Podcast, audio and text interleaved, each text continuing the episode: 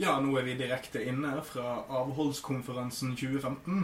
Og med meg så har jeg nå eks-podkaster Buffett Fusk, som etter å ha konsumert over 1000 gram flein i løpet av en sjutimersperiode, timers periode, endte opp med å runde psykedelika.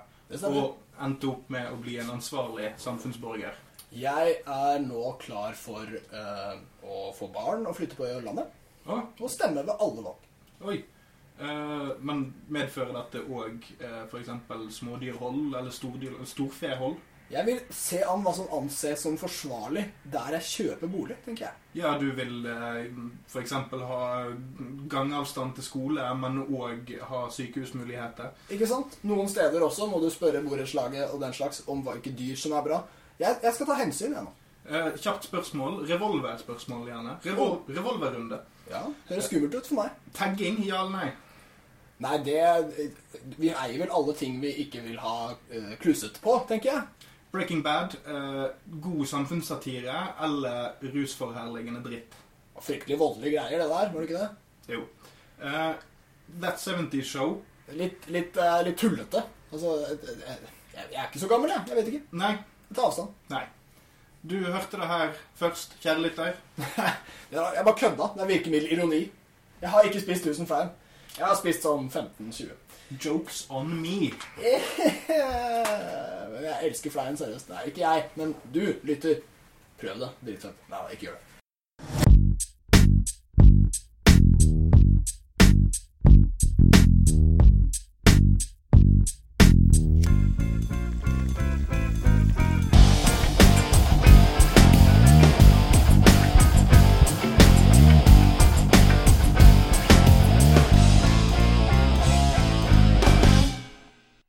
Velkommen til podkast om rus. Vi er ikke forvirret i det hele tatt. Jeg er litt forvirret, men eh, jeg er Per Ståle Honning. First.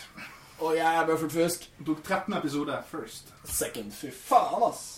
Dette her, det, det går dårlig. Jeg tror vi går tilbake til eks-podcaster, for jeg vil ikke være med. Uh, kjapp ting før Ja. Jeg kom nettopp på at jeg ikke sa dette før vi tok uh, innspilling. Men dette er mest sannsynlig det nærmeste vi kommer et årsjubileum Oh. på denne podkasten. Har vi holdt på et år? kanskje. Jeg, Jeg jeg, så vidt jeg husker, så tror jeg vi har lagt ut første sending i mars eh, 2014. Så Ja. Ja. om ikke ja, Vi kommer ikke til å være så jævla kjappe at vi kommer til å ha en annen jubileumspodkast. Det er sant. Yay! Vet du hva? Bra jobba, mann. Ja, Takk til lytteren som har vært med oss et helt år. Vi har blitt eldre, litt styggere. Jeg. jeg er som en god ost. Mm. Ståle har blitt eh, mer moden i lukta. Ja. Ja. Og litt klam og innestengt. Alt er som det skal i podcastland. Vi har i dag eh, en aktuell spalte, som vanlig. Aktuelt! Eh, avbrøt den, sorry. Mm. Eh, til deg, kjære pene lytter, vi skal snakke om Trygdekontoret. Et av våre favoritt-TV-programmer som har eh, i dag Er det i dag? Ja, det er i hvert fall nå omkring en episode om LSD og fleinsopp og psykedelika. Ja, Når denne episoden ligger ute, så er vel òg episoden sendt på NRK og ligger tilgjengelig på nett. Vi kommer mest sannsynlig til å linke den under podkasten på www.podkastomrus.wordpress.com. Podkast om rus er ikke tilknyttet NRK på noen måte. Vi går videre. Mm. Bortsett fra belønningspilsen. da. Eh, Ja, og vi har noen kontakter ellers. Ja, drit i det. NRK, de har mye snusk. Jeg har fra veldig trygge kilder at Dan Børge Akerø styrte en halvliter like a motherfucker. Så Jeg så det. jeg òg. Jeg var det. Jeg sier ikke hvor. Ikke jeg heller. Dan Børge er awesome. Det var ikke en diss, det var en hyllest. Vi skal snakke om Trygdekontoret. Mm. Og de har eh, et ypperlig gjestepanel denne gangen. De har da La oss bare ramse opp. Mm, sånn. Thomas Seltzer var der. Mm. Bombe var der. Og så var Ingvar Ambjørnsen der. Fy faen, så kul Ingvar Ambjørnsen er. altså.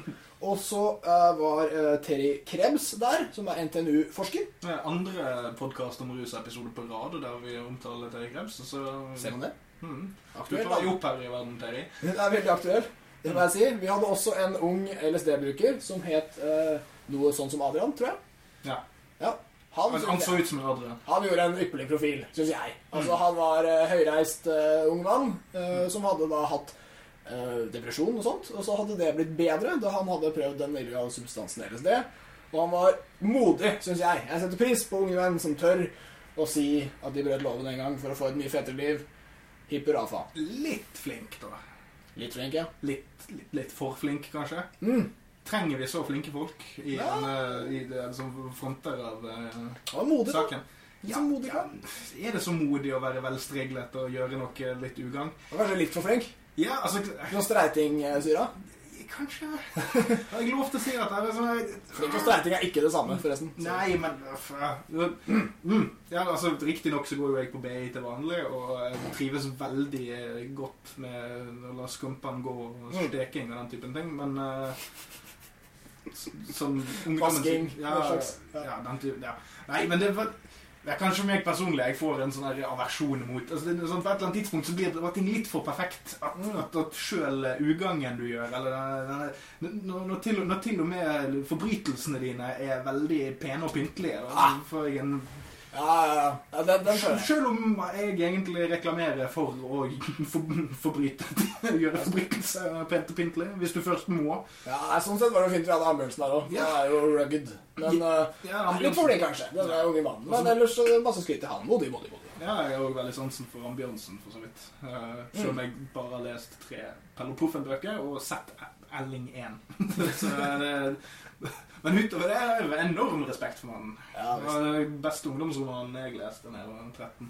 I fare for å glemme én eller to gjester, så husker jeg i hvert fall at de hadde en som heter Liliana Bax, som er toksikolog ved Folkehelseinstituttet. Ja, Hun var jo liksom tante Sofie i denne forsamlingen. her. Absolutt. Det ble rollen hennes. Mm. Eh, hun er en veldig anerkjent eh, toksikolog, så vidt jeg vet. Men eh, når det kommer til rus, så, så blir hun jo litt sånn der, eh, formynderisk, da. Du vet. Hun satt ved et veldig liberalt panel, så hun følte sikkert ekstra trang til det. Ja, Vi får legge til det at uh, vi har vel bare sett grovkuttet av denne episoden. Ja. Så det kan godt hende vi omtaler utsagn som ikke kom med i sendingen. Det vet vi. Vi, vi, har ikke, vi har bare sett råmaterialet. Altså det, igjen, uten å gå nærmere inn på våre kontakter med NRK, uh, så, så har vi sett det før det ble klippa.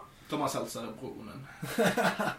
Å nei, det skulle være hemmelig. Ok, vi uh, Ja, hva, hva har vi å si om denne episoden? Det skjedde jo et par rare ting. Altså, Nå, nå spoiler jo ikke vi en dritt. Det begynte jo altså, For meg var jo det mest speisa med hele greien var jo Lars Vaular sin uh, Vaular er teateropptreden. Uh, jeg som ikke har spesielt mye fingeren på pulsen når det gjelder verken norsk musikk eller hiphop, eh, så fremsto det der som bare en kavalkade av uh, For en låt. fjas. Even if the rain Ja, Vi oversetter òg 'selv om regnet'. ja, og Selv om regnet faller ned. Ja, men det var, det var bare Jeg ble bare jævlig distrahert at det så ut som han kom rett ifra en gay-porn-innspilling. med de Sånn som snekkerbuksene sine. Ja, Ja. Tropic Thunder. Han hadde øh, den notoriske bollecutten, og så hadde han en sånn snekkerbukse. Ikke noe skjorte under. Så ut som han var fra landet. Vi må nesten prøve å få en eh, sammenligningsbilde vi kan legge ut under. Ja, jeg, jeg vet ikke. Jeg får faen meg av være det. Vi får se om vi tør. Eh, veldig bra episode. Øystein Meyer Johannessen, denne karakteren av en lokalpolitiker fra Nord Nordland, eh, han eh, er jo en fyr som har store baller. Han har tidligere blitt uh, arrestert for fleinbruk. Han har blitt flyttet ned i sitt parti i kommunestyret fordi Mm. han har blitt dømt for fleinsopplukking og bruk. Han er fra Mo i Rana, ikke sant? Jo, rundt der. Det, Helgeland. Hemnes, Hemnes, ja. er kommunen. Og der har han da partiet sitt Samfunnspartiet, som han ikke nevnte på TV omtrent. Han eh, får, får litt reklame her. Mm. Underlig parti. Han har sammen med Tor Erling Staff eh, anarkister som Mm. går inn i politikken. Hva skal man si? Men det er i hvert fall uh, en, en S i logoen deres, og den S-en er også yin-yang. Det syns jeg er uh, spreke saker. Ah, ja. jeg har ikke sett den logoen, så er det bare en S, eller er det det er et sånt Samfunnspartiet. Altså Ja, det ja. Yin-yang-partiet. Ja. Ja. Jeg vet ikke. Seriøst. Eh, Innstillingen min til yin-yang er egentlig ganske lik eh, innenfor politiske bevegelser som det er innenfor tatovering. Det, sånn, det har blitt gjort nok. Eller, eller, det har ikke blitt gjort nok i politikken, men jeg tror ikke det går an å det lar seg ikke gjøre nettopp pga. den overdrevne tatoveringsbruken. Nei, å passe seg for utbrukte symboler. Altså. Jeg vet ikke om jeg hadde stemt på yin-yang, selv om det var alt mulig Ja, bra. for yin-yang for, for meg er på en måte alternativbevegelsen svar på hakekorset. Det har bare blitt litt for Litt for belastet. Ja. Men det er Du får sånn, ikke lenger sagt det du vil si med det. til og med mer kommers ikke sant? Ja. enn hakekors. Altså, det er- alt skal ha den her jævla symbolet på seg. Ja, men det er bra. Fra trygdekontoret til drittsymboler. Vi Men videre, vi, kan, vi må jo nesten snakke litt om, eh, om eh, innslaget med han eh, godeste Øystein. Det kan vi gjøre. Mm. Det er jo altså eh, Det var jo folk som, som var redd for, uh, for hva som skjedde med dette klippet når de hørte hvordan det foregikk. Så mente at man kanskje mobbet fleinbrukere, f.eks. Mm. Han, eh, kort fortalt, altså Øystein Maure Johansen er jo en fyr som spiser fleinsopp stadig vekk. Så han, En gang i uken var det trippet over 100 ganger, sa han. Ja, han tar seg ikke så mange pauser. Nei, og og han begynte bare for noen år siden, så selv i forhold til den aktive eh, fleinbruker, så ligger han jo godt over snittet på forbruk. Ikke sant? Men han har en viss rutine på dette her. Og når han da hadde NRK på besøk, så klinte han til og overvurderte seg sjøl og spiste åtte gram fleinsopp. Ja, hva er en uh, rimelig eh, brukerdose for flein? Er, Ja, det er det rundt grammet? Ja, de, de lærde strides jo litt her, fordi folk er gjerne forskjellige. Noen metaboliserer det uh, saktere og raskere enn andre. Det er stoffskifte. Så både noen trenger mer. Ja, antistoff, eller hva, nedbry, kroppens nedbrytning. og- Ja, jeg har, jeg har sett uh, helt, uh, helt normal, frisk ungdom som trenger to gram flein før de Mm. blir ordentlig rusa på det. Men, det, Men, men stort sett vil jeg si at ett gram er en en ålreit dosering. Så selv i den, heftigste doseringseksempelet så er dette over fire ganger så mye. Ja, og det var jo det, det, morsomme med Johansen òg, som sa det at nei, han hadde vel tatt sånn tre ganger for mye, eller noe sånt. Og jeg mener det er åtte ganger for mye. Altså, det er, ja, ja, det var i hvert fall for mye. Og han, han sleit jo da med, med å holde praten i gang, for eksempel. Det er jo sånn folk gjør. De blir jo helt, helt kjemperare. Jeg vil jo si at det Thomas Seltzer utsatte han for ikke nødvendigvis var det kuleste trikset i boken. eh. Nei, men, men ikke sant, vi må samtidig som ja, Det var da han ta på seg maske og, og Ja. Ikke sant? Men Han ble åpenbart ikke fullt så skremt av det som han ble av uh, den svenske tannlegen som kom inn. ikke sant? Men jeg, jeg skjønner at noen kanskje vil se det som mobbing, da. Fleinbrukere. Å, ta på monstermaske og skremme han. Ja. Men dette er et godt eksempel på hvorfor når du er på flein, så er det kjedelig å henge med folk som ikke er på flein. Mm. De bøller med deg. De gjør sånne ting. Og i hvert fall hvis du henger med Trygdekontoret. Fordi hvis du har sett litt om Trygdekontoret noen sesonger, så er de De er aldri respektløse med gjestene, men de er køddete. Og jeg Ja. syns vi skal ha respekt for det køddete faget. Det er det er litt gøy, å akkurat den vitsen du ikke burde dra, akkurat det sekundet, det er litt gøy å dra den. Det er jeg veldig med på. eh, jeg er langt ifra så uh, anti-fleip som det hørtes ut nå. Ja, men, men bare, bare i den forst- ja, Og dette er jo en, en, en verdensvant bruker, holdt jeg på å si. Han har jo gjort dette før. Så hadde kanskje ikke vært like hyggelig mot en, eh, mot en, mot en eh, 19 år gammel nybegynner. Førstegangsbruker. Ja, en Traumemaskin. Ja, sant. Sant det, sant det. Det er jo manipulering av hjernen, dette. Ja, men Husk at Seltzer er en rocker òg, ikke sant? Altså, I rockeverdenen så Ja, altså, han man litt. Ja, det er vel ikke akkurat psykedelik hva du hiver innpå før du skal spille foran et par tusen folk. Så Nei, ikke sant? jeg tror ikke det blir akkurat mindre bøllete på kokk heller. Det er noe Seltzer gjorde før. Mm. Da er ferdig det. uh, ja, har vi, ja, har vi spoila nok for den av lytteren som ikke har sett Nei, det? nei, jeg, jeg vil bare legge til det at jeg syns nå, nå får vi se i morgen hvor mye bøll det blir om dette. Nå har det ikke vært like mye krangling om dette som det var med dette pornostuntet som Trygdekontoret kjørte for en liten stund siden. Nei, det er sant. Eh, Men eh, vi får se om det blir noen reaksjoner på det. Men jeg, jeg liker egentlig helheten av eh, programmet, fordi at det er kanskje det, det, det er merkelig hvordan Trygdekontoret får dette til gang på gang på gang, men det er kanskje noen av de mest sentrale diskusjonen jeg ser. Altså, Mm. uansett hva tema de har, så føler jeg at de kommer mye mer eh, nærmere nerven av problemstillingen enn på Dagsnytt 18. Ja, det er, Fordi, fordi det er ikke høy slipsføring, og det er ikke De inviterer forskere, og de inviterer kulturpersonligheter og den type ting, men du, det er bare mer eh, meningsfrihet, rett og slett. Mm. Eh, og Ambjørnsen spesielt imponerte meg jævlig med den her eh, utrolig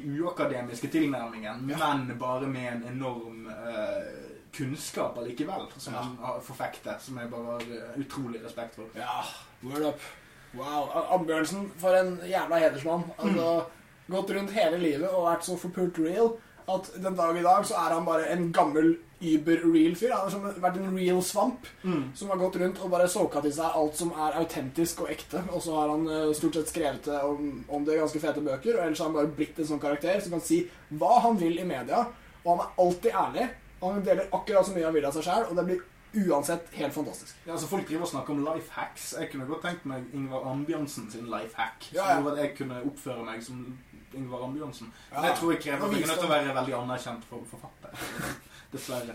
Jævla visdom. Noe jeg for så vidt kanskje allerede er. Uh, hvis Dag Solstad er uh, alkoholens uh, Ambjørnsen, så er han hasjens Solstad, i hvert fall. Jeg, jeg, jeg står ved den sammenligningen. Jeg gjør det. Men videre til hoveddelen av dette programmet. Ja, vi har uh, spikra tema for å være avholdsrus. Og dette må trolig forklares, for avhold og rus er ting som vanligvis ikke blandes så mye. Jeg liker å se for meg en, en avholdsrus her. En person som sitter klink edru fredag kveld, ser på Nytt på Nytt og bare smører inn brystvortene med tigerbalsam. Mm. Det er en god følelse. Er det en moralsk uh, nytelse han har?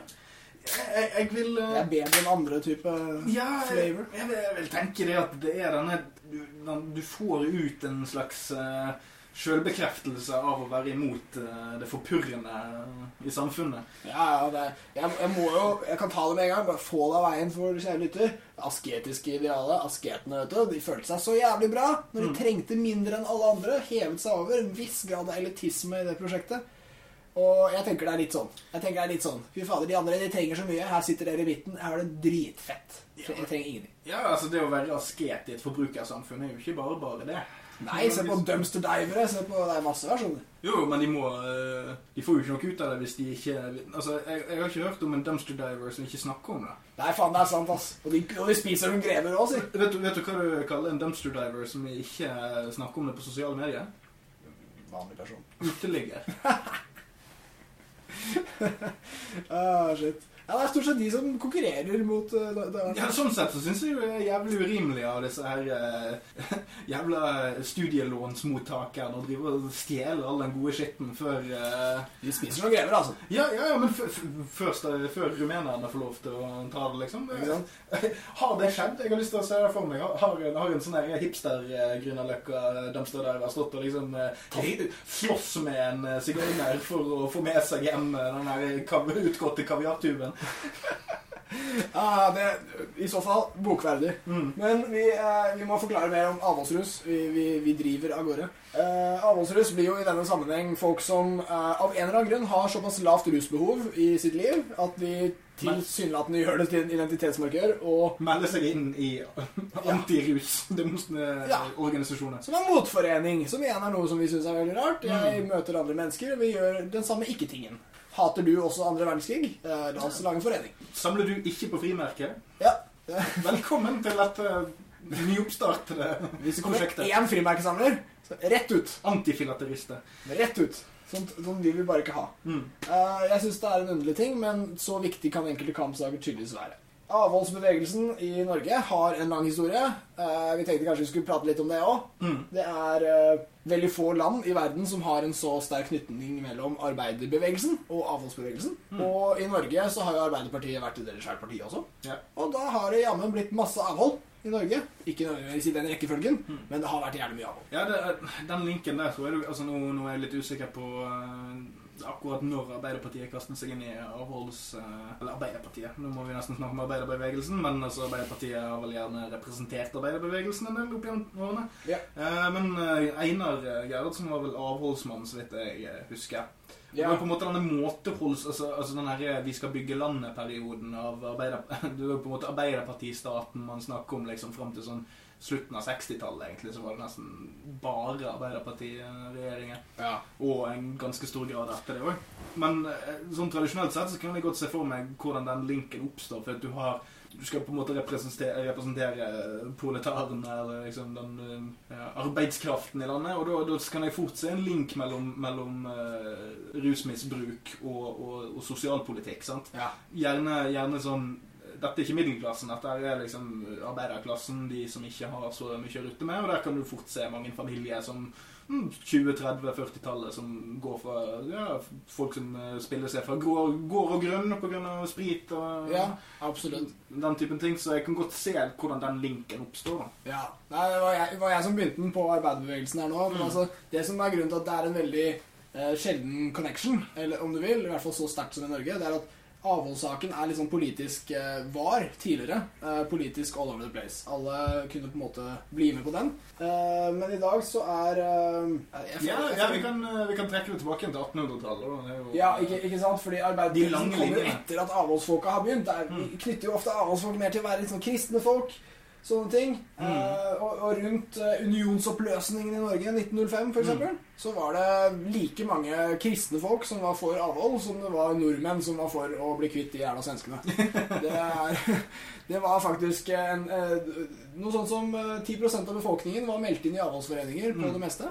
Og så, så vi har ganske mye av det i landet. Jeg lurer på om noen av nå, Ikke siterer meg på dette, men eh, nå sier jeg det offentlig likevel. Jeg lurer på om òg kvinne, kvinnebevegelsen også har vært knyttet litt opp mot dette. Mm. Altså de, de, nå er ikke jeg så god på dette, men eh, de, de, de første tiltakene kvinnesaksforkjemperne har òg Jeg lurer på om nettopp avhold eller måteholdsbevegelse sånn har vært knyttet opp der. For før du får reell likestilling, om vi har det i dag, så, så er det jo naturlig altså, Så lenge ekteskapet er liksom der kvinnen blir, sin rolle blir definert, så blir det jo da eh, å få alkoholforbruket ned hos menn en veldig vikt, et veldig viktig sosialt tiltak. Ja, ja. Det var det er ting som går direkte ut, utover kvinner og barn, er hvis, hvis uh, the breadwinner går og drikker seg Absolutt. Det, det vet jeg i hvert fall var aktuelt i USA. Sikkert da også i den norske delen av Siden det kommer derfra. Kommer Mm. fra USA.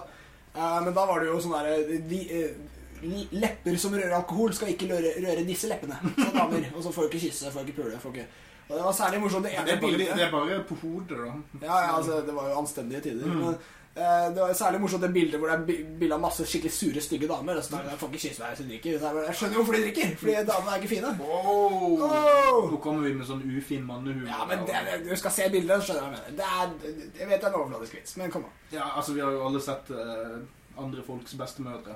Er, Ja, ikke sant? Noen fortjener å kysse Eh, disse eh, damene. det er utrolig at vår generasjon eksisterer. Folk var jo ikke sexy før 1980.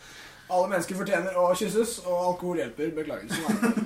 Men vi har eh, Skal vi se, I Norge så var avhold var en veldig annen greie før enn det var i dag. Når sprit begynte å bli utbredt i Norge, så fikk man en bølge av sosial nød. Altså Folk drakk seg fra gård og grunn, vold gikk i taket, alt mulig sånn.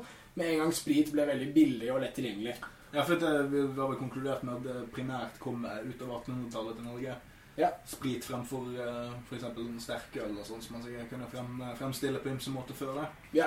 Men destillering er vel noe som gjerne kommer etter den industrielle revolusjonen. Ja, det er det. Og Norge henger jo gjerne 10-20 år bak Europa. ikke Mm. sant? Og det var, fikk en slags bølge når det først løsna her oppe. da Med Ja. spritproduksjon. Som du kan trekke opp med hasjforbud og mye andre ting. Ja, absolutt. Og det, det førte jo også altså, Vi fikk jo også et brennevinsforbud Mm. i Norge, som var fra 1917. Og det som var interessant med den greia der, var jo at først så var avholdsbevegelsen var kjempestor uh, rundt unionsoppløsninga 1905. Så fikk vi spritforbudet.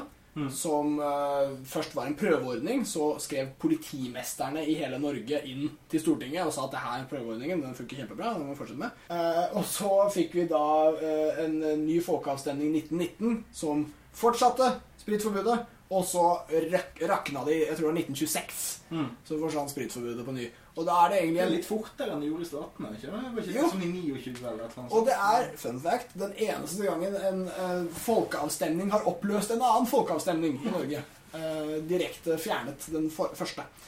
Om jeg, om jeg ikke husker helt feil, så lurer jeg på om dette er første tilfellet der du har skuddveksling mellom kriminelle og uh, politimenn i Norge. Altså spritsmuglere fra Danmark eller inn, innen Oslofjorden og litt sånne ting. Ja. Eller eh, jeg lurer faktisk på om det var dødsfall på begge sider der. Altså at det var kriminelle som ble drept. Jeg lurer på om det var en politimann som Norsk ble Al Capone, si. Mm. Men vi opp, opp eh, Når Knut Sørensen. Knut Sørensen og hans bande eh, Men når vi, Banditter! når vi ble Og gaukere, eller hva det vi kalte det. gaukere og, og fant Ja. Men, men når vi Helvete, mye bra ord. Når, når vi ble kvitt det forbanna brennevinsforbudet, så fikk Norge eh, Vinmonopolordningen, eller som også var fylt opp av kommunale ølsalg og den slags. Men det var da stort sett, i hvert fall spritsalget, som var eh, statsstyrt. Det var fra Trøndelag og nedover. Så når vi snakker om at de drikker litt mye sprit i Nord-Norge, så kan vi faen meg takke oss sjæl for å ikke gi dem pol. Det var jo en tid hvor man så på nordlendinger som litt annerledes. Ja, men jeg, jeg tror, tror det. Nord for Trøndelag så er det fremdeles lavere poldekning enn det vi har uh, lenger sør. Definitivt. Ja, ja. Vil jeg tenke meg. Ja, jeg, jeg tror ikke det er en tilfeldighet at vi fremdeles assosierer spritfilm med Nei. nordlendinger. Nei, absolutt ikke. Det var trange tider. Vi må prioritere. vet du. Ja, men det var òg denne greia med vi er et jævlig langstrakt land, dette her. Så det er òg denne greia med jo lengre utenfor folkeskikken du kommer, desto større sannsynlighet er det for at du driver med et eller annet Ja. på, på si. Eller at det var en eller annen gjøk som gjør det. Ja. Og vi har, altså, Avholdsbevegelsen i Norge var på en, eh, ved et punkt såpass stort at de, de samlet det til et eget politisk parti. Avholdspartiet. Altså, Jævlig Vet du? Så lite kreativ blir du av å være avholds. ja, vet du, alt er bare avhold. Ja, velkommen til barn. Hva heter det? Avhold. Ja, velkommen til podkast om rus, forresten. Velkommen til avhold om avhold. Ja, Ja, bare sånn apropos dårlige kreativ. Nei, hysj, det er dritbra navn. Veldig galt. Ok, um, Det var uh, det som het Avholdsfolkets landsnemnd, som i dag heter Aktis. Vi skal snakke mer om de. Uh, de vedtok eh, i, sammen med uh, Det norske totalavholdsselskap å opprette da et valgprogram for det nye avholdspartiet. For det er Såpass sterkt og, og fint var det på denne tida her. Uh, de stilte til kommunevalg mellom 1907 og 1933, så de holdt på en stund nå. Ja, og så kom NS og tok den delen. Da var man på moroa. Ja, Stiftet 1933, samtidig som KrF. Sitat fra Ingvar Ambjørnsen, eh, som hadde snakket med en eldre dame. Ja, når tyskerne var her, så var det ikke mye å få tak i, men vi hadde fleinsoppen i hvert fall. Den vokste da overalt. Men uh, ingen sammenligning for øvrig. Nei, men mellomkrigstiden var, var rough. Jeg bare kom på en ting her. Det er jo ikke. Altså, dette er jo en periode der man ser en sterk fremvekst av Altså, det, det, det er først det er liksom begynnelsen av Norge. da, Vi driver og snakker gjennom å bygge landet etter andre verdenskrig og sånn. Men det er jo perioden 1905 til 1939 at man liksom Det er da du liksom sementerer den norske politiske sfæren. sant? Mm. Det er den perioden vi er politisk uavhengige fra utenlandsk innflytelse. sant? Masse politisk press om å gjøre sitt. Ja, ja, sant? Altså, vi, vi må utrette ting. Og sånne. men, men det jeg òg kom på, var jo det at i dag driver jo altså Det er gjerne sånn eh, Enkelte idioter sier at akademia er så utrolig eh, forklarende hele tiden. sant? Ja. Eh, En ser gjerne stemmer fra eh, ytre høyre i det norske politiske liv som vil eh, være mer slagferdige i kampen mot forbrytelse og kriminalitet og den type ting. Mm. Jeg syns at de òg representerer i veldig stor grad det man ser på 10-20-30-tallet. Ja. For det er den mangelen av, av analyse av samfunnet. Sånn, å ja, hva, hva vi ser her? Jo, det, nå, bruker, nå drikker folk jævlig mye sprit. Mm. Kan vi gjøre det? Vi må fjerne spriten, for det er jo spriten som er roten til alt, alt vondt. Fjerne fjerne spriten. Ja, sant? I dag så har vi konkludert med at det er folk som er problemet, og så får heller varen være varen, altså De har et problem med varen, men gjør vi egentlig samfunnet noe bedre av å fjerne den varen? Mm. Sant? Altså, Vi har en mye mer nyansert og detaljert måte å analysere samfunnet på i dag. Det hadde man ikke da. Det er en mye mer Mm, mm. Vi snakker veldig ofte i dette programmet om, om, om svart-hvitt-tenkning, men se for deg å skulle prøve å forsvare sprit i 1919. Ikke sant? Sant? Det, det er en, eh, bare med tanke, du kan ikke bare liksom, dra opp en eh, stat, statistikkstudie fra Wikipedia. Liksom. Det var ikke så Nei, På biblioteket og snakke med folk og sånn. Det jævlig bra poeng. Altså, fordi altså, med, med dagens analyse, så, som selvfølgelig også er underkommunisert, siden det går litt treigt, det feltet men vi er jo sykt opptatt av det. Jeg, jeg kan si ting i dag som at de grøftefylla er på en måte motsetningen til avholdet, hvis du vil. Ikke sant? At, alkohol alltid eh, Noen lever jo sikkert sånn. Eh, det blir eh, en eller annen sånn alkoholmaksimalist der borte. Og så har du på en måte avholdsmannen, minimalisten, som bare aldri, aldri drikker. Men i midten så har vi jo måteholdet. Måteholdet er jo snacks. Jeg, jeg er jo selv en måteholdsmann, for helvete. Jeg vil jo ikke at du skal banke deg rus hele dagen. Det er jo folk som til og med klarer å misforstå akkurat det. Men måtehold var egentlig der man kom fra. Fordi trolig har disse vanene vært liksom ikke regulert kulturelt. Mm. Så folk har drukket så mye de vil, tidvis litt for mye. right? Og så har foreningene, alle avholdsforeningene begynte som måteholdsforeninger. Og så sier de liksom Du vet den der spriten du drikker hele tida? Kanskje ikke hele tida. Og så drikker de litt mindre, og med en gang de har begynt å drikke mindre, sier de du skal aldri drikke! Og, og dette kravet her, ass. Mm. Dette er for strengt, ass. Ja, men det, altså, hva var det for noe? Det var lang tid tilbake så så jeg et uh, program som tok for seg uh, vold i f.eks. Bergen Mm. uh, på 1800-tallet kontra i dag. Mm. Der var vesentlig mange flere knivstikkinger. Var, altså, I forhold til folketall på 1800-tallet så var det langt flere drap enn det er i dag. Altså det ble flere, Større prosent av befolkningen ble drept enn i dag. Mm. Men det er jo òg forståelig, fordi at du hadde mindre utviklet samfunnsstruktur. Altså, det var, i, I dag så har vi en, en infrastruktur i Norge som er helt fantastisk. Altså, vi har, altså, Politiet er på døren på tre minutter, liksom, den typen ting. Mm. Eh, Helikoptre og hele faenskapet. Men før i tiden så hadde vi en mye mindre eh, regulering generelt av samfunnet. Mm. Så når, når forbudsfolket, altså de som går fra måtehold og til avhold, Ja. kommer inn og skal fjerne sprit. Fra befolkningen. Fordi at- Ja, for, så, er det, så har vi òg en enorm mangel på utdannelse i befolkningen. Vi har en Mm. enorm mangel på, på politi. Altså det er sånn, Folk har hest og kjerre. Hvor mange biler var det i Norge i 1913? sant? Eller 1919? Sant? Altså, hvis en fyr holder på å banke opp kjerringen sin fordi han har dru- drukket for mye sprit, så er det ingen som kan gjøre en dritt med det. Mm. Vi har hatt en enorm samfunnsutvikling som gjør at Ja. eh, disse tingene lar seg lettere regulere. Mm, det er veldig, veldig sant. Og det er eh, men, men det er, som jeg også nevnte, det, det var jo en strid altså Når vi snakker om avholdsbevegelsen i Norge, Mm. så er det veldig sterke forskjeller mellom by og land. Mm. Uh, og den litt sånn kulturkonservative vinklingen, den kommer fra bondelandet. Hvor de er veldig opptatt av, la oss si, Jesus, og, og litt sånn uh, Andre faktorer er aktuelle uh, enn i byene. I byene ble alkoholen ekstremt synlig, og vi fikk helt andre stridspunkter. Altså det var veldig andre ting folk ville gjøre for å stoppe drikkinga. Enn å bare forby det, f.eks. Ok, så, så selv på den tiden, altså la oss si 1920, så har man flere folk som er imot avholdsbevegelsen i byene. Det er stort sett bare der du finner motstand mot det, tror jeg. Mm. Og det er stort sett, altså Avholdsbevegelsen er så mektig at det er ikke motstand mot dem, det er mer det at vi vil kanskje ikke helt bli med på det prosjektet. Ja, men det, ja, men det stemmer jo litt overens med det at når du er utenfor folkeskikken, holdt på å si, som er et veldig godt eh, begrep som jeg mest sannsynlig har brukt to ganger nå, eh, men så, så, det er det naturlig det at man, man trekker mot det som er konstant. Ja.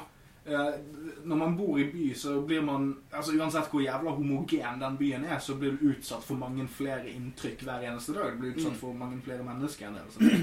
Og, og eh, omveltningene skjer der først, som Mm. regel.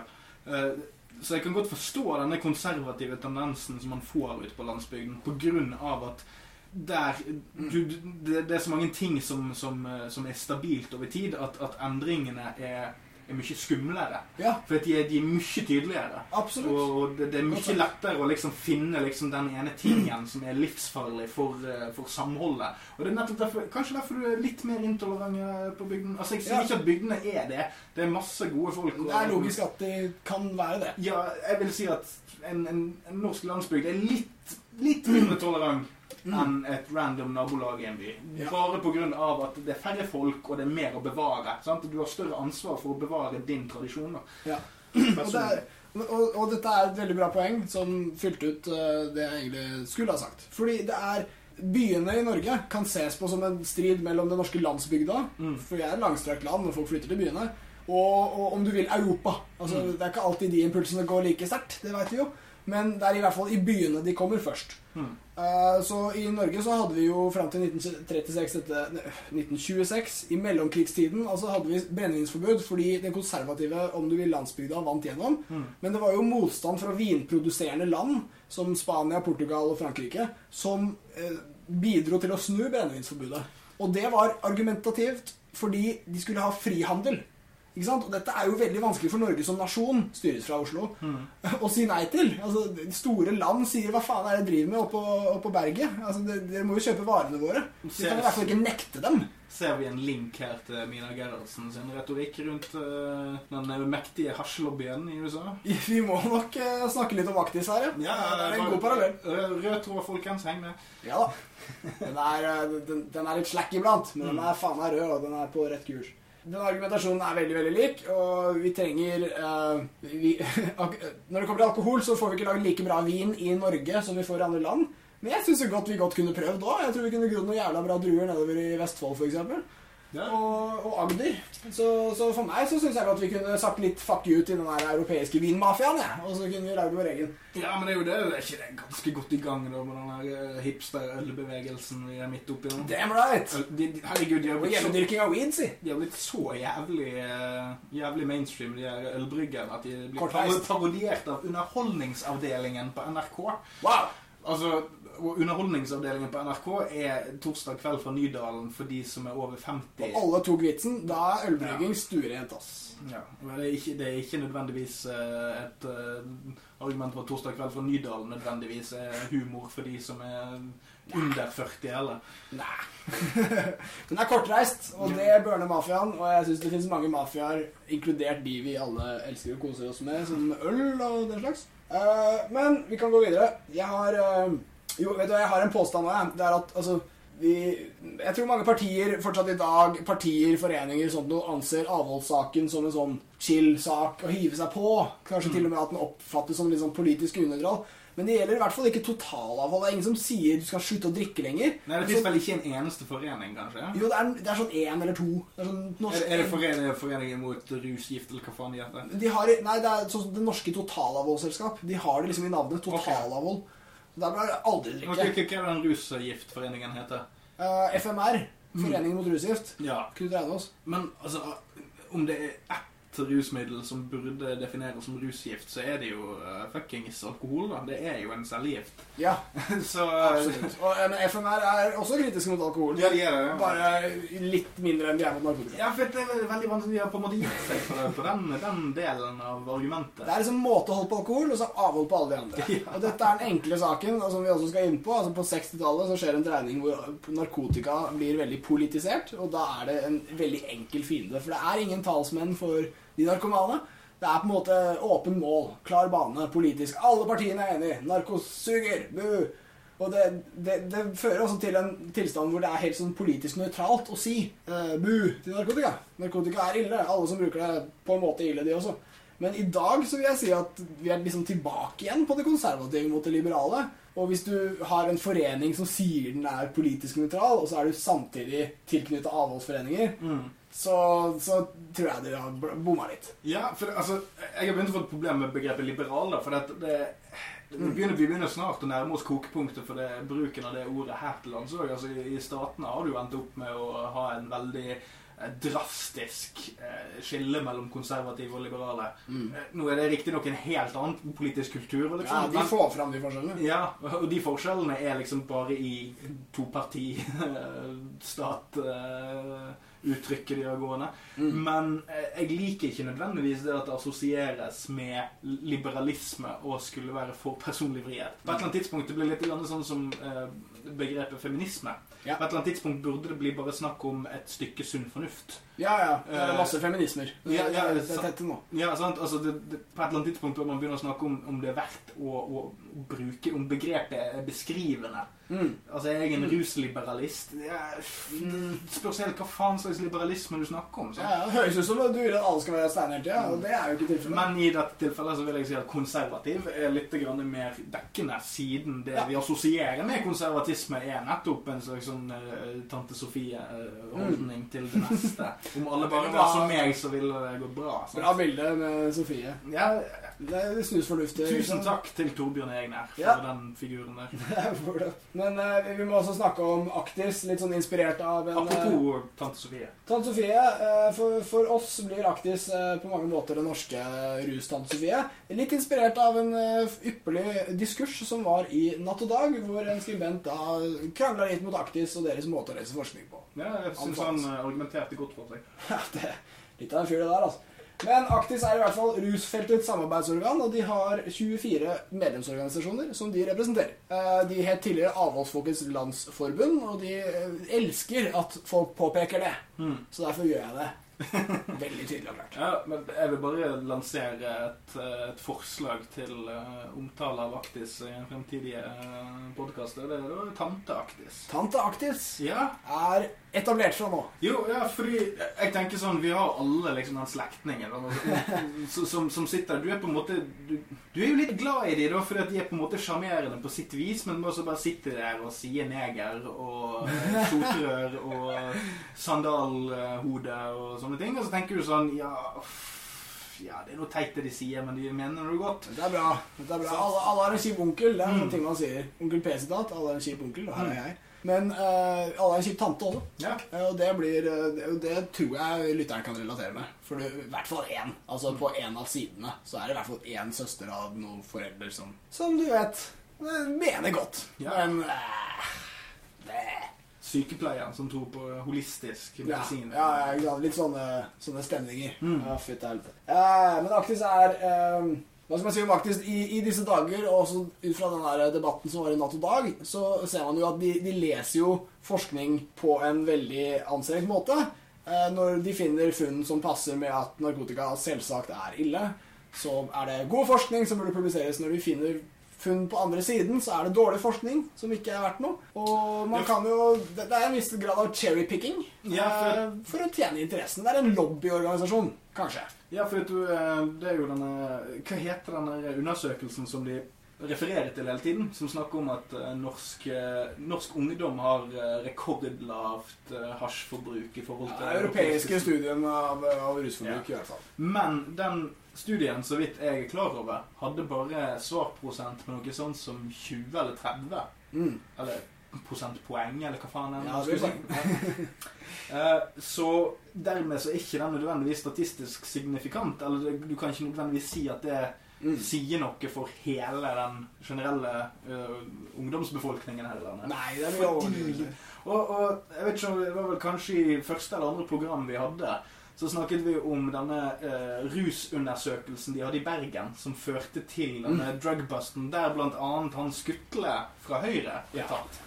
Der var det jo da noen, eh, så vidt jeg husker, så var det noen eh, 17-18-19-åringer som hadde et sånt her samfunnskunnskapsprosjekt der de hadde en spørreundersøkelse. Ja. Og så førte det eh, den, eh, svarene på den spørreundersøkelsen til at noen ga det til politiet. ja. De, som, Og- de som gjorde spørreundersøkelsen, gikk Ja. til politiet med tallene de fant. Ja. Og, og da er det jo ikke, med det som et hovedeksempel, så er jo ikke det så jævlig rart at vi da får en satans lav svarprosent på eh, rusforbruk blant ungdom. Mm. Jeg kan ikke se for meg en, en annen tid i livet der man er mer redd for å bli bustet for sitt. Nei, og En annen uh, fryktelig konsekvens fra det greiene der, uh, som også ble skrevet om, det var at uh, de, når ungdom blir tatt, så, så pleier lokalsamfunnet å si at dere er for strenge i politiet. Det er, det er for hardhendt. Altså, det, det er for strenge straffer for rusbruk. Og da har politiet funnet på altså, Mange har funnet på en god måte å gjøre noe med dette.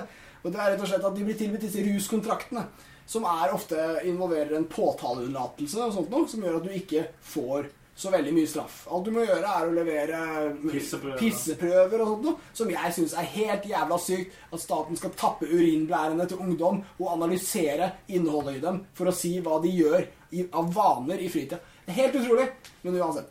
Eh, Vi kan ungdom, godt ta en liten bisetning om uh, politirazzia her. Altså. ja, fy faen, det er drøyt. Altså. Det er, det er, har man ingen integritet som person Ja, nei, i hvert fall. Uh, la oss gå videre. Det er de får da valget mellom skal du bli uthengt og få en stor økonomisk smell, Mm. eller skal du gå på denne kontrakten som vi absolutt anbefaler deg sterkt å ta.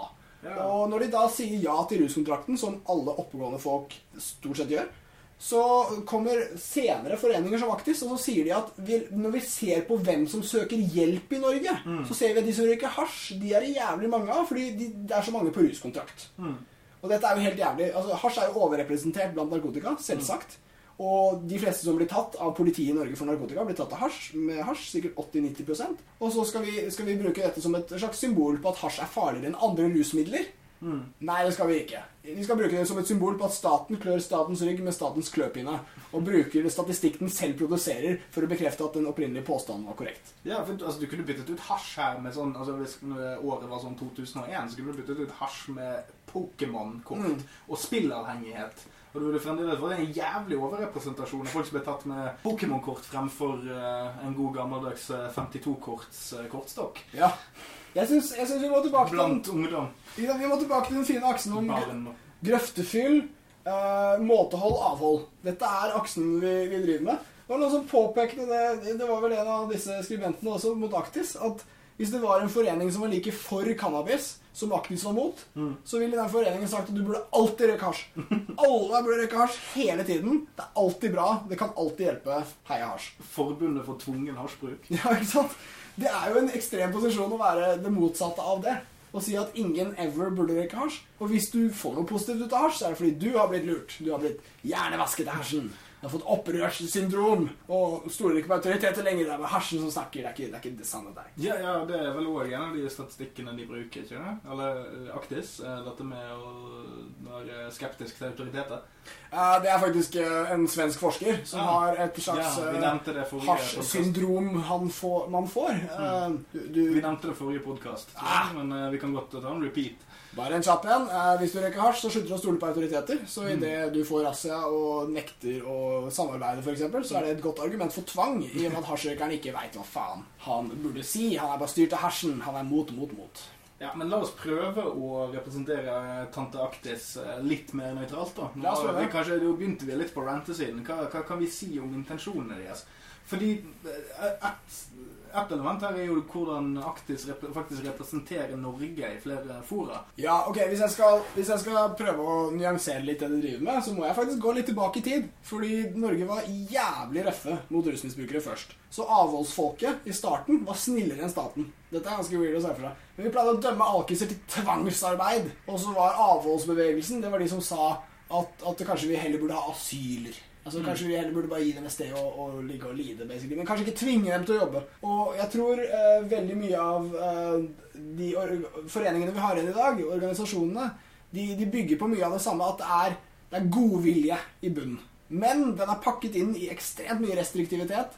Og det er jo fordi de også og, øhm, tilpasser seg motstanden. ikke sant? Med en gang FHN og Arild Knutsen dukker opp med en veldig sånn liberal front, Mm. så blir jo motstandsbevegelsen også nødvendigvis litt hardere. Ja, men der, der kommer jo den uh, argumentasjonen om, om forherligelse inn. Altså, Ja. altså, vi må, ja, ja, det er jo greit at du har et, et forsvarlig rusbruk. Altså At du sitter der og propper deg full av psykedelika og dritt. Greit nok, du får det til, men du må ikke drive og snakke om disse tingene på en sånn måte. Altså, Selv om du kommer frem med nøytrale påstander om forbruk, Ja. altså rent statistiske fremstillinger, Mm. så blir det òg fremstilt som en forherligelse og en slags eh, da, eh, mellom linjene oppfordring. Hasj Mm. alltid ja. forbundet. Nei, hasj. Ja, men Det er jo det er umulig å diskutere mot aktivt i den forstand, for at uansett eh, hvordan du eh, motargumenterer mot det, så vil du til slutt bli stemplet som eh, forbundet for tvungen hasjbruk. Ja. Og det er hva skal jeg si, en uheldig altså mistenkeliggjøring av motstanderne sine. eller noe sånt da. Altså det, er, det er en dum I og med at Aktis også trolig vil ha debatt for å vise hvor flinke de er, eller noe sånt, Ja, tror så, så er det en kvelende funksjon.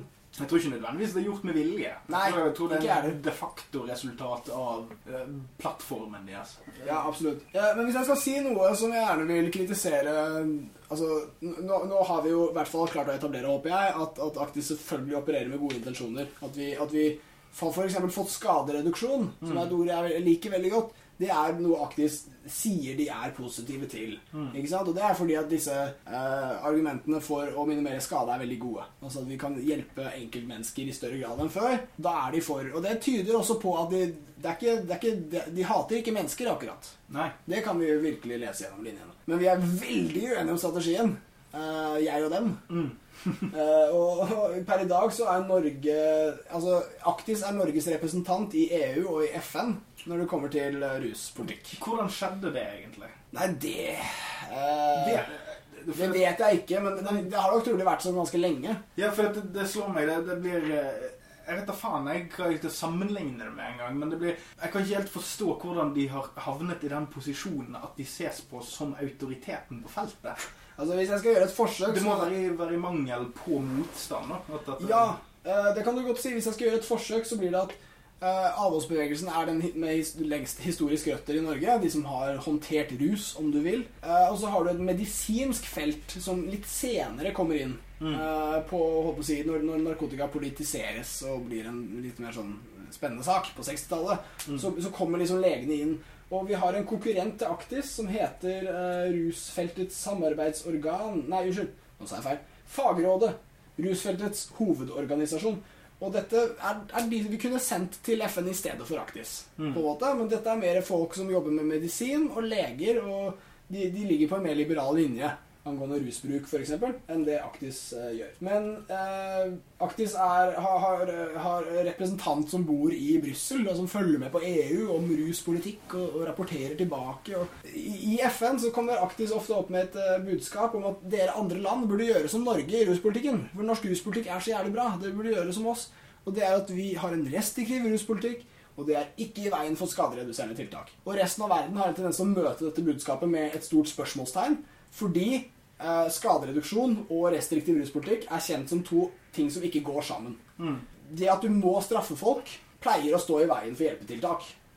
Men Aktis og andre foreninger ser ut til å synes den kombinasjonen er eh, helt i orden. Ja, altså, Vi får bare prise oss lykkelige over at uh, Norge er en liten tullenasjon uh, både i EU og i FN. Så I Nei, europeisk- eh, ikke, ikke FN, faktisk. Det er jo mye større Ja, ja, ja. der enn vi har i EU, fordi at vi er ikke medlem. Men en litt sånn underkommunisert ting er at kulturelt i Europa så er vi restriktive. Mm. Vi er veldig strenge her i nord. Mm. Det, har en ti det, det er noe som fenger i befolkningen. Det funker ved valg. Det er så, så resten av Europa eh, ser litt sånn på oss, tror jeg. Eh, de ser på oss som litt strenge nordboere. Mm. Norge og Sverige og Finland er blant de fire landene i Europa som fortsatt har straff for bruk av cannabis. Mm.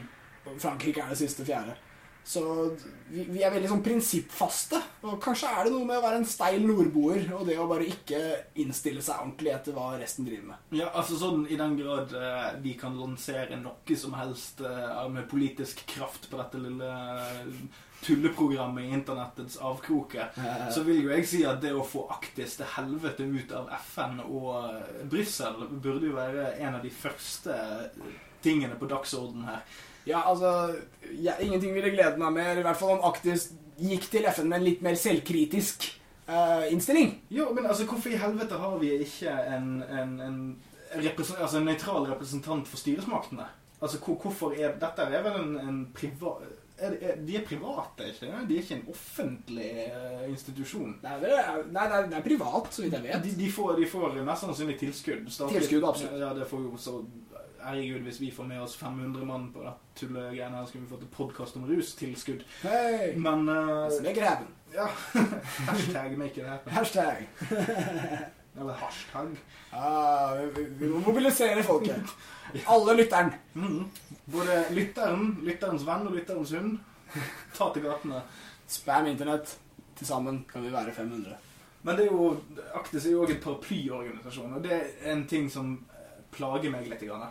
Fordi jeg skjønner Altså, jeg, jeg forstår ikke jeg, jeg tror ikke at folk som deltar under paraplyorganisasjonen paraplyene, alltid er helt innforstått med hva de faktisk er med på å støtte. Nei, det stemmer. Og jeg, jeg må bare skyte inn at uh, Aktis uh, het tidligere Avholdsfolkets landsråd, men i dag er de ikke bare bestående av avholdsforeninger. Nei. De er også, har enkelte måteholdsforeninger Mm. uh, inni seg. Og det er noe de er veldig glad i å påpeke. Med en gang noen kaller dem avhold, så er det sånn Å nei, vi har masse måtehold også, vi. Mm. Men flertallet er avholdsforeninger, og holdningen sentralt er det ingenting å tvile på. Liten innskutt eh, bisetning her. Ja. Eh, På Twitter-profilen til Mina Gerhardsen så står det at hun er veldig glad i ostepop og sofa. Det unner jeg Mina. Ja, ja, helt greit det, men hun er i så fall den eneste edru personen jeg har hørt om som nyter ostepop og sofa kombinert. Det, er, det er noe mystisk der. Ja, hun er jo lukter på eh, ruskulturen der, altså. Ja, hun, hun en liten hedonist uh, Ja. oppi Gerhardsen-dynastiet der. Ja, Være edru og ostepopfingre, jeg vet ikke helt om det er Det høres ikke ut som nytelse for meg, i hvert fall. Men ja. Eh, ja, altså, når jeg kikka på denne foreninga altså, Aktivt representerer masse organisasjoner, og det gjør de sikkert en helt fet jobb med. Jeg syns foreninga de, er- de er medlem i et initiativ som heter Av og til. Mm. Eh, den syns jeg er et kult navn, fordi det er, jeg er skikkelig for måtehold. Så av og til er jo top notch når kan vi snakke om når vi burde være rusa. Fordi det vil implisere når vi kan være rusa. Og da burde vi jo kunne slå oss the fuck løs. ikke sant? Mm. Men av og til er en forening som kanskje har litt rart navn. Fordi egentlig burde vi kanskje hett aldri. Det er, eh, det er, det er ikke noe anledning hvor du burde bli full, f.eks. Det er ikke det. Ja, altså, sånn helst på skitur med gutta eh, langt ute på fjellet uten innlagt vann og strøm. Ja, nå snakker vi. Langt unna mindreårige. Én shot. Det er lov. En, ja, ja, altså ta, ta, ta en liten pjolters. Pjolter. Kom igjen fra, kom igjen fra. Utvanna shot, ikke sant? Ja. Det er sånn vi liker. Eh, jeg, jeg merker meg Vi er veldig gode på gamle uttrykk i dag. Pjolteren, sa folk. Eh, assosierte medlemmer på lista til Aktis var to spennende foreninger. Mm. Jeg vil gjerne ta, ta bable litt om de. Yeah. Det ene er Minotenk, som er minoritetspolitisk Minoritetspolitisk. tenketank. Mm. Absolutt. Og de sier jo at de er politisk nøytrale. Likevel så er de altså med eh, på, på det jeg vil si var antirusarbeid. Ja, altså, er det, er det et resultat av at de i veldig stor grad representerer muslimer? Mm. Som for å kaste en brannfakkel inn i Ja, eller kanskje minoritetene i landet er ja, generelt ruskritisk. Ja, ikke generelt. Altså, man har jo greier med somalier og katt, og jeg kan godt tenke Ah, ok, bra poeng. Og jeg tror òg at det er en del eh, muslimsk ungdom som Arabere og hasjis, ja, Ja, men altså, tanken om at, at hasj er greiere enn alkohol, tror jeg ikke er Mm. en, en ny ting.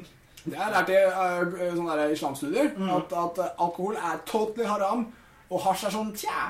Altså, Ja. sånn noen mener Ja, for de enkelte, Det er enkelte, enkelte fortolkninger spørs jo helt altså, jeg, jeg tror alle lovskolene i islam nødvendigvis vil si at hasj er teit, men Mm. eh, eh, den praktiske tolkningen av eh, Koranen og hadithene der tror jeg eh, det avhenger av om du sidestiller effekten. Er rett og slett tolkning av effekt. Ja. Fordi at uh, hasj nevnes ikke i Koranen, så derfor blir det veldig vanskelig å Men alkohol blir det. Og alkohol fremstilles faktisk noe positivt i andre deler av Koranen. Altså Ja. sånn at, når du, at, at, at, Vin, at, i, at i etterlivet så kan du nyte drikk som omtales på en måte som kan høres ut som alkohol, f.eks. Nice. Men så er det forbudt i dette liv. Sånn, så det er en sånn avveining der. Men hasj på sin side avhenger om du, du definerer det som mind-altering på samme måte som alkohol. da.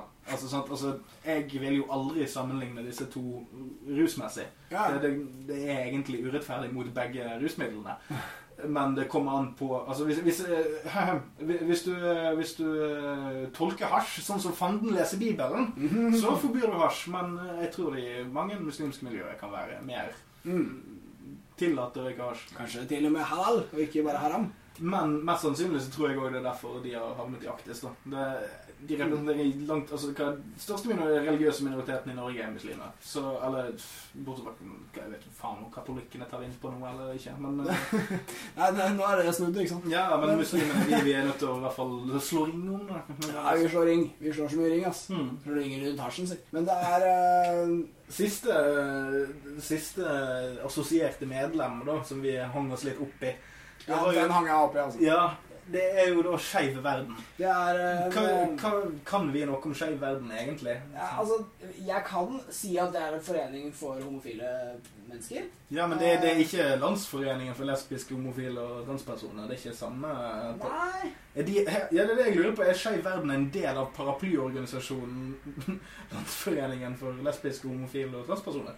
Jeg, jeg vet ikke. Mm. LLH kjenner jeg til. De har jeg litt sånn ambivalent forhold til. Men eh, de er, de, jeg, jeg sjekker her nå. Det er en selvstendig religiøst og partipolitisk uavhengig. Ser man det?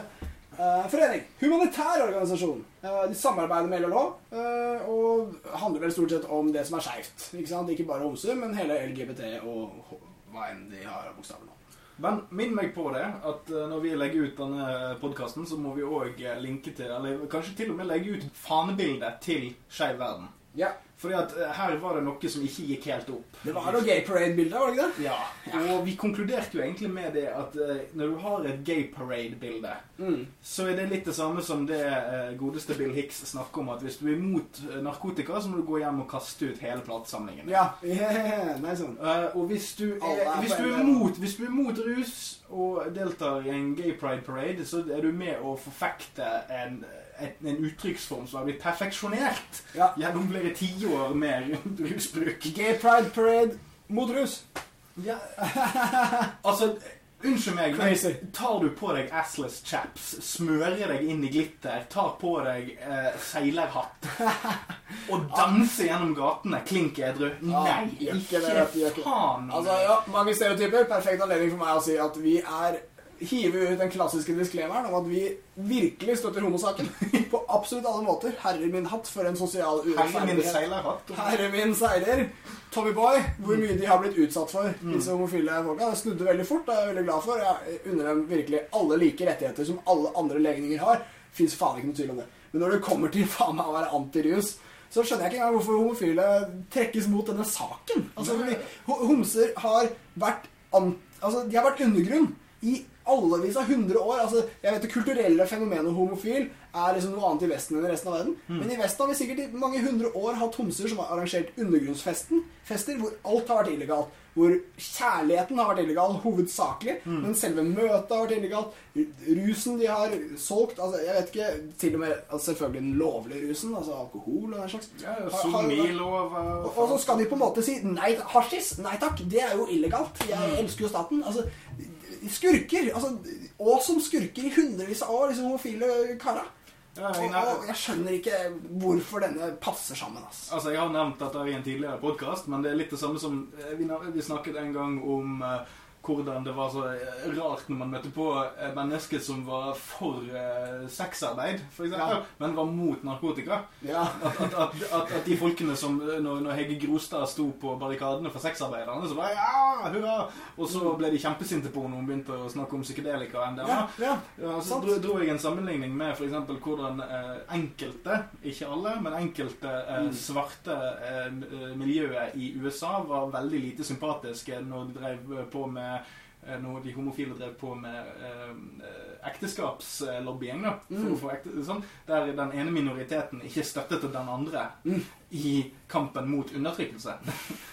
Og det syns jeg er en, et like godt poeng å Veldig. trekke opp her. Veldig bra parallell. Ikke, ikke at rusbruk nødvendigvis er det samme som seksuell legning, men jeg tror jeg kan finne noe overlapp der. Men dere, som, dere der ute av lytteren som elsker en liberal verdi og avskriver en annen, dere mindfucker meg. Uh, dere er komplekse. Jeg skjønner ikke en dritt av det. Ja! Har vi kommet til Avrusning! Vår wrap-up-spalte. Hva har vi snakket om? Per Ståle. I dag, i dag, ok, Vi har lansert uh, tante, tante Aktis-begrepet. Det var det beste vi gjorde. Ja, det, jeg skulle gå rett ned på patentkontoret i morgen. Det blir en folkehit. Hashtag Aktis ut av Brussel. Ja! Fagrådet inn i Brussel. Ja. Rus, rus. Ja, sånn apropos Skeiv verden, eh, Fagrådet. Heia Mm. Både tverrseksuell og tverrrusmessig. Alle sammen. Mm. Men eh, ja, altså det, Vi konkluderer jo sjelden med noe. Det er jo samme gamle regelen vi konkluderer med gang på gang på gang. Hei, rus. Bu på avhold. Men eh, for så vidt siste ting jeg, eh, sånn oppsummeringsmessig. Einar Gerhardsen var vel avholdsmann. Ja, det mener jeg. Så det er jo ikke så rart at barnebarna står og driver og fronter en avholdsorganisasjon. Overhodet ikke. Nei. Og, og det, ser det- ting- er dynasti. Dynasti. Ja, og ting går i arv her i landet. Det, vi, vi har arvet denne eh, avholdsbevegelsen fra en tid eh, der mm. disku, debatten var på helt andre premisser. Vi kunne alle vært avholdsfolk for 150 år siden, kanskje. Nå er vi såpass fuckings heldige at vi faktisk eh, har dratt diskusjonen ned på individnivå. Ja, word. Det er fett. Ja, Der har vi fått til nå. Ja, vi, vi, vi snakker ikke lenger om, om eh, rusforbruk. På, altså, vi snakker om rusforbruk på et, et samfunnsmessig nivå, men vi er òg i samme diskusjon snakker vi ofte på individnivå. Pasientrettigheter, Ja. eh, skadereduksjon. Mm. eh, Åh, beste ord i verden. Hvis jeg kunne sagt noe som er min påstand for dagen, så er det at det er ikke lenger politisk nøytralt å være avholds. Altså, det har jo ikke vært det på totalavhold på alkohol lenge, men jeg vil også si det om totalavhold på narkotika og annen rusbruk. Det er det å være Det, å, det må dø som en politisk nøytral sak. Jeg tror det allerede egentlig har skjedd. Du, du er i dag ikke parti, partipolitisk nøytral hvis du sier at ingen burde få røyke hasj ever. Det fins partier som er for, og du har akkurat sagt de suger. Så Eh, bort fra det, hva da? Den der aksen her. Grøf, eh, grøftefyll, måtehold, avhold. Måtehold er i midten. ja, og så er det bare det Ikke, ikke la avholdsfolket definere hva måtehold er. Nei, la oss eh, slåss om begrepet måtehold. Ja, Fordi måtehold burde også innebære litt eh, andre substanser enn alkohol, kanskje. Ja, og man burde vel eh, strengt tatt kunne snakke om at måtehold Det er kanskje av og til, men la meg i hvert fall avgjøre hva av og til betyr. da. Ja. For du heller gripe inn hvis du syns det går for langt. ja. Av og til høres bra ut, så lenge ikke noen andre dikterer når faen de er. Ja, ikke gripe inn når det går for langt sånn som du ser det, men gripe inn når det går for langt sånn i forhold til andre mennesker sine menneskerettigheter. For eksempel. Bra til å, å trekke streken. Yes. Yes, jeg tror jeg er ferdig. Skjæra til mine fuckboys. Ha det bra.